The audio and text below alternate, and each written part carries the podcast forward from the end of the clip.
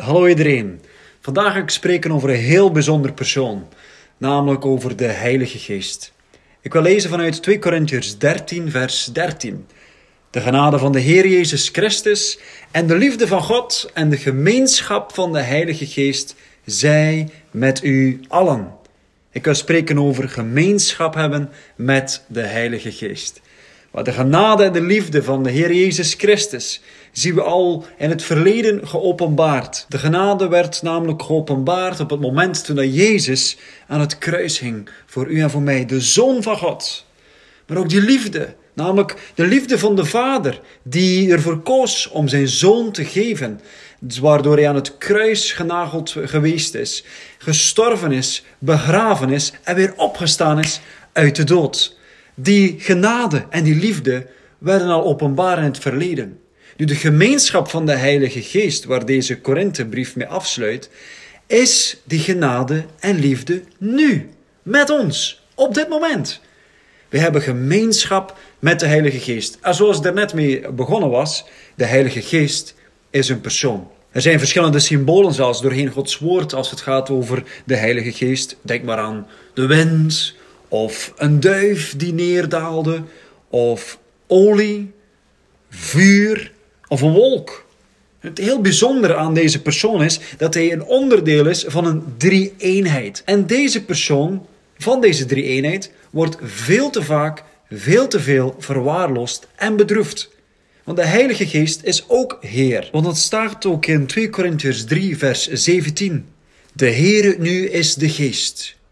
En waar de geest van de Heer is, daar is vrijheid. Halleluja. Waar de geest van de Heer is, daar is vrijheid. Daar is die bevrijding die plaatsvindt. Wauw. Nu weet je dat er zeven bijbelse betekenissen zijn van het woordje gemeenschap. Ik zal ze met u delen. Ten eerste, gemeenschap dat spreekt over Gods tegenwoordigheid in een oud-Nederlands woord. Nu noemen we dat Gods aanwezigheid. Want de Vader die verlangt ernaar om voortdurend bij u te zijn.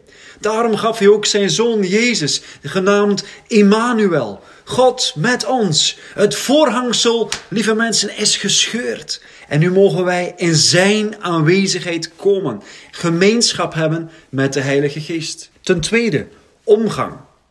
Niet zomaar bidden tot de Heilige Geest, maar eenvoudigweg met hem omgaan.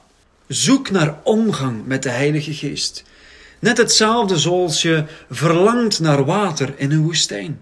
Heel eenvoudig, maar smachtend naar de Heilige Geest. Ten derde, samen delen. Dat is ook een betekenis van gemeenschap hebben met de Heilige Geest. Want u stort uw hart uit en de Heilige Geest het zijne.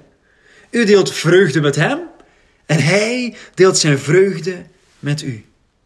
Handelingen 15, vers 28 zegt: Want het heeft de Heilige Geest en ons goed gedacht, enzovoort, schreven de apostelen.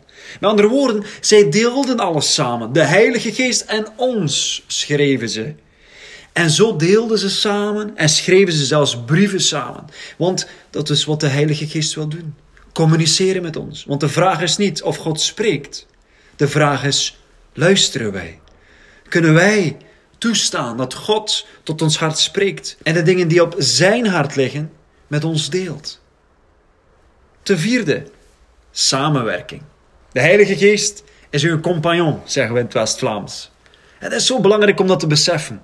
Want nu, lieve mensen, is tijd om op te staan. Want de Heilige Geest stort zijn kracht uit in u en op u. Want dat is ook wat er, wat er in de Bijbel staat. Je wordt gedoopt en gevuld met de Heilige Geest. Want het is zo, lieve mensen, wanneer de Heilige Geest in u is, kan je ook uitgaan. Want zonder de Heilige Geest in u is er niks om mee uit te gaan. Daarom hebben we de Heilige Geest in ons en op ons en rondom ons nodig. En die samenwerking, die gemeenschap met de Heilige Geest om uit te gaan. Je ziet ook al die samenwerking van in het begin van Gods Woord. Daar was de Heilige Geest die over de wateren zweefde, zegt de Bijbel. En dan sprak God. En zo kwam er iets tot stand. Samenwerking tussen de Heilige Geest en Gods Woord. Zo mogen wij ook, wanneer we dingen uitspreken, samenwerken, gemeenschap hebben met de Heilige Geest. de Bijbel staat vol van het feit dat er eh, bijstand werd verleend van de Geest, zegt Gods Woord. Of de Geest en ons. Eén ding is duidelijk. De Heilige Geest wil altijd met u samenwerken. Ten vijfde, intimiteit. Dat spreekt van die diepe liefde van Christus die we mogen ervaren. Door de liefde van de Heilige Geest. En dat, lieve mensen, die agape-liefde brengt intimiteit. Geen andere manier. Want staat in Romeinen 5, vers 5: God heeft zijn liefde uitgestort in onze harten. Hoe? Door de Heilige Geest. God heeft zijn liefde, moet je voorstellen, uitgestort in onze harten door de Heilige Geest. Wat een waarheid. Zonder de Heilige Geest kunnen we zelfs God niet lief hebben.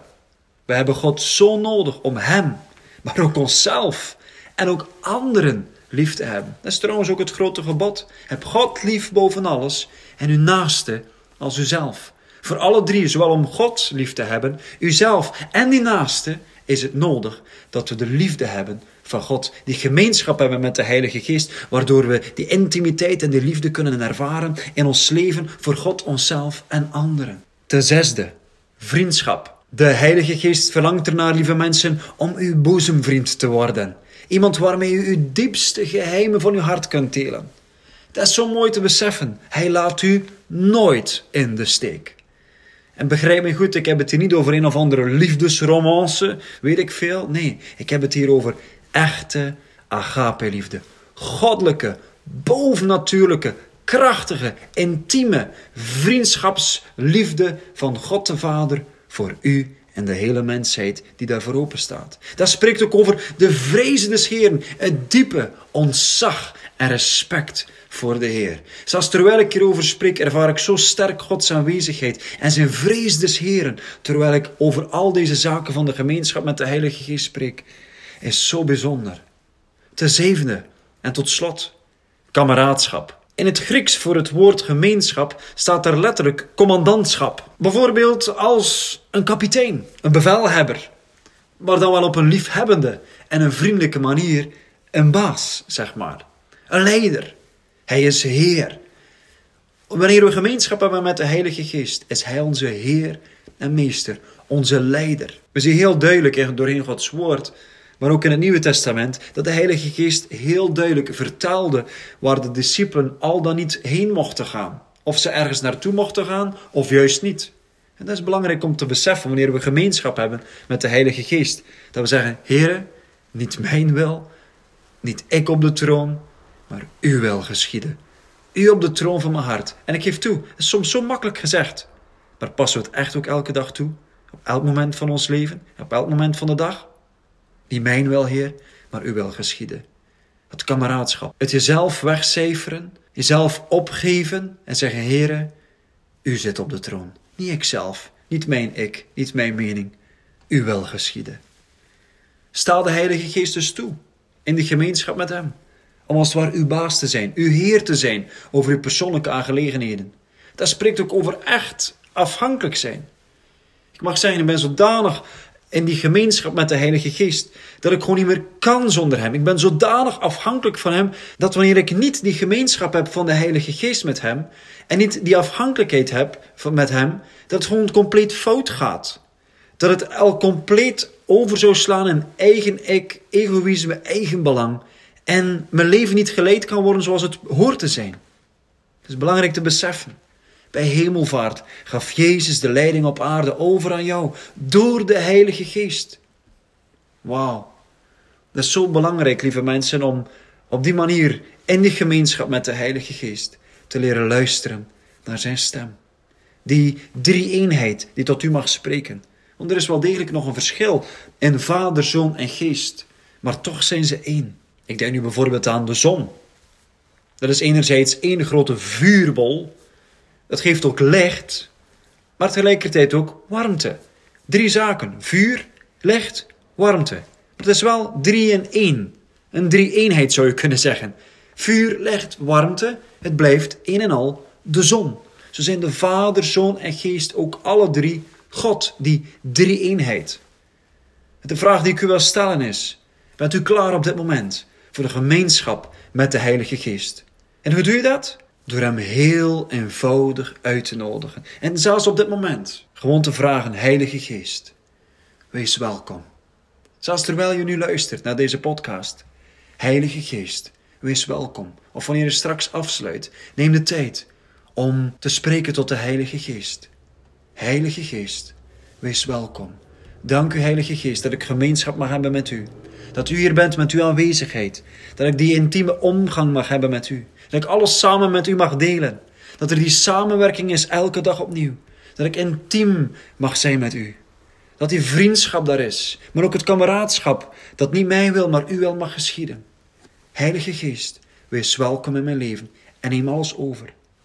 Heel eenvoudig. Dat is wat je kunt bidden. Dat is wat je kunt vragen. En we gaan zien wat er gaat gebeuren. Ik bid u een fantastisch gezegende dag toe en een gezegende week. Dat je echt vol mag zijn van Gods geest en dat je elke dag mag kiezen. Want het is echt wel een keuze om gemeenschap te hebben met de Heilige Geest. Amen, amen.